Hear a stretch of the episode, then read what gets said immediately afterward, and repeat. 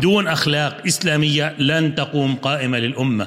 وكل كلام آخر هو كلام عبثي. طب جربته فقال لي قل له أن إذا لم يقيموا العدل فعقابهم لا يكون من جيرانهم بل يكون من الله.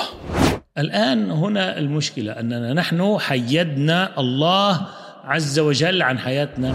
هذا الشخص الذي لا أعرفه خرج من وجهه نور من عينيه كان شعاع نور. دخل في كل ذرة من جسمه. وجعلنا البيت مثابة للناس وأمنا اللقاء قال لي عقروها فدمدم عليهم ربهم بذنبهم فسواها